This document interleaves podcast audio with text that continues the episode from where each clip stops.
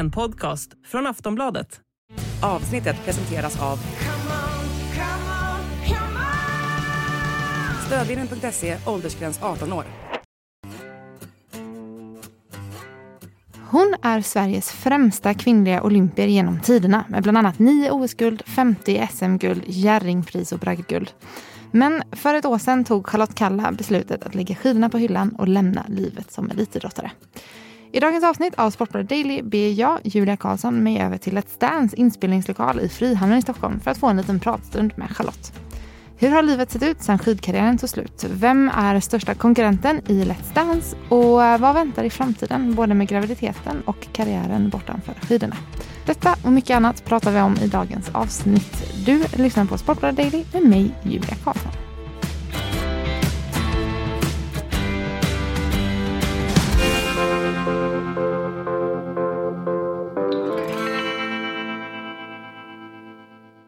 Charlotte, eh, det, jag måste säga det såg riktigt eh, snyggt ut. Vi var spannade lite på genrepet. Eh, hur har allting gått här i början med Let's Dance? Så ni satt också i publiken, vad bra, för det känns som att eh, det är ju en sak att öva i danslokalen och filma sig själv och få en känsla där, men en annan sak att få gå ut hit.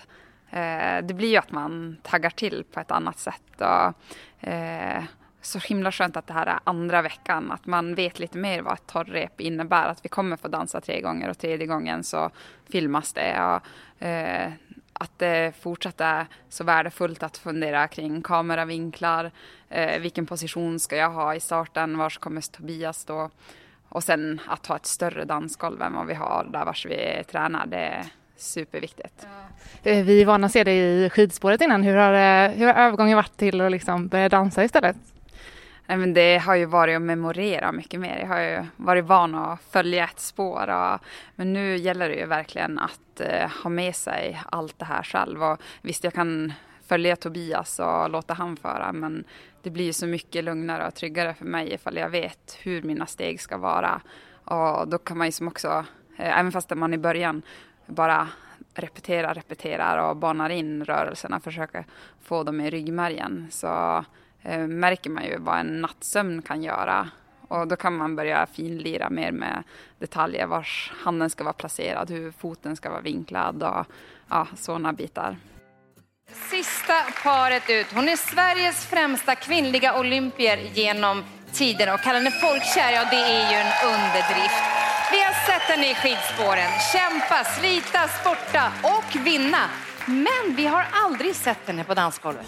Nu är det dags att lämna skidspåret för en stund, för nu ska jag få mitt första danspass. Charlotte och Tobias i en tango. Vad var det svåraste då, än så länge? Eh, nej men svåraste har kanske varit att eh, lämna det fokuserade. För i början på veckan så behöver jag ändå vara i det fokuserade modet för att eh, få in allt så. Men jag känner ju nu att jag kan slappna av mycket mer och eh, att något som har varit svårt också är, är när det blir fel steg att inte vara kvar i det utan det viktigaste steget du har är ju nästa och hela tiden kunna vara närvarande. Vi har ju satt och spanat lite på dina konkurrenter också. Är det någon du har spanat in som är liksom extra konkurrent än så länge? Jag tycker alla håller en otroligt hög nivå. Eh, förra veckan på tisdagen så dansade vi upp för varandra ett gäng och då hade jag hög puls, alltså högre puls än både eh, men, torsdagen och på genrepet på lördagen för att eh, alla var så himla duktiga. Jag måste fråga det är ren nyfikenhet. Mm. Vad var det som fick dig att tacka ja till att vara med i Let's Dance? Nej, men nu i höst var det ju första gången jag på riktigt fick frågan. Tidigare så har det inte varit aktuellt i och med att jag krockar med tävlingssäsongen. Så eh, jag gillar ju utmaningar och såg det som en enorm chans att få lära mig något nytt. Det, och sen när det väl har dragit igång är det ju ännu häftigare än vad jag hade kunnat föreställa mig. Just att få gå in tillsammans med en proffsdansare varenda dag i träningslokalen och ha en PT som verkligen jobbar stenhårt för att eh, vi ska prestera så bra som möjligt på lördag och kan bryta ner dansen. För i måndags kändes det som en oj, hur ska vi kunna dansa i det här tempot? Då var vi tvungna att dra ner på takten för att bara kunna sätta rörelserna i rätt ordning och med rätt positioner. Det kändes som en omöjlighet men ja, idag så funkar det ju.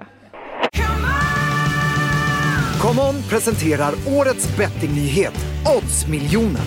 För endast 10 kronor har du chansen att vinna en miljon varje dag. Oddsmiljonen är åtta frågor kring kvällens hetaste matcher. Och sätter du alla är miljonen din. Spela Oddsmiljonen, exklusivt på common.com. 18 plus, regler och villkor gäller. Spela ansvarsfullt.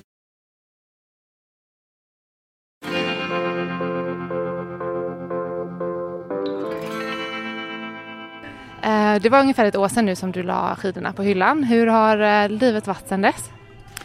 Eh, Det har varit jättekul att få eh, vara icke-elitidrottare, eh, att ha en ledig sommar och framförallt lediga helger tillsammans med vänner och familj. Det är något som jag har sett fram emot. Får jag också säga ett stort grattis till eh, graviditeten. Hur har, eh, hur har det varit senaste tiden? Tack så mycket. Jo, men vi har varit så himla glada sedan vi fick beskedet och eh, jag har mått bra hela tiden. Så jag hoppas ju att det kan fortsätta så, men är samtidigt ödmjuk för att eh, Let's Dance medverkan det är något som gör att jag behöver eh, lyssna på kroppens signaler. Såklart, såklart. Får man fråga, har du fått reda på om det är en flicka eller pojke? Ja, vi har tagit reda på det, men vi behåller det för oss själva. Vad, eh, hur, eh, om man tittar på liksom nästa generations skidåkare, då, tror du vilja att ditt barn kommer liksom följa dina fotspår när det kommer till skidåkandet? Det är ju en sak som har blivit väldigt så här, äh, påtagligt eh, just med att tänka på kommande generationer. Jag fick förmånen att hänga med Johan Rockström och ett gäng klimatforskare till Vattenhalsen på en tankesmedja innan Let's Dance drog igång. Och, eh, det blir som väldigt nära bara, ja, mitt barn kanske kommer få lära sig att åka skidor och man har mycket kompisar som är i fjällen nu och de eh, åker både längd och utför. Men om vi skulle få barnbarn någon gång, kommer de... Alltså, det ser ju faktiskt inte så ljust ut. Ja, det, verkligen ju. Det, är en, det blir också en helt annan parameter till det. Ja. Att Ja, en annan dimension när man väntar eh, tillökning. Så. Ryan Reynolds here from Mint Mobile. With the price of just about everything going up during inflation, we thought we'd bring our prices down. So to help us, we brought in a reverse auctioneer, which is apparently a thing. Mint Mobile unlimited premium wireless. Ready to get 30, 30, bit to get 30, bit to get 20, 20, 20, bit to get 20, 20, bit to get 15, 15, 15, 15 just 15 bucks a month. So, Give it a try at mintmobile.com slash switch. $45 upfront for three months plus taxes and fees. Promo rate for new customers for limited time. Unlimited more than 40 gigabytes per month. Slows. Full terms at mintmobile.com.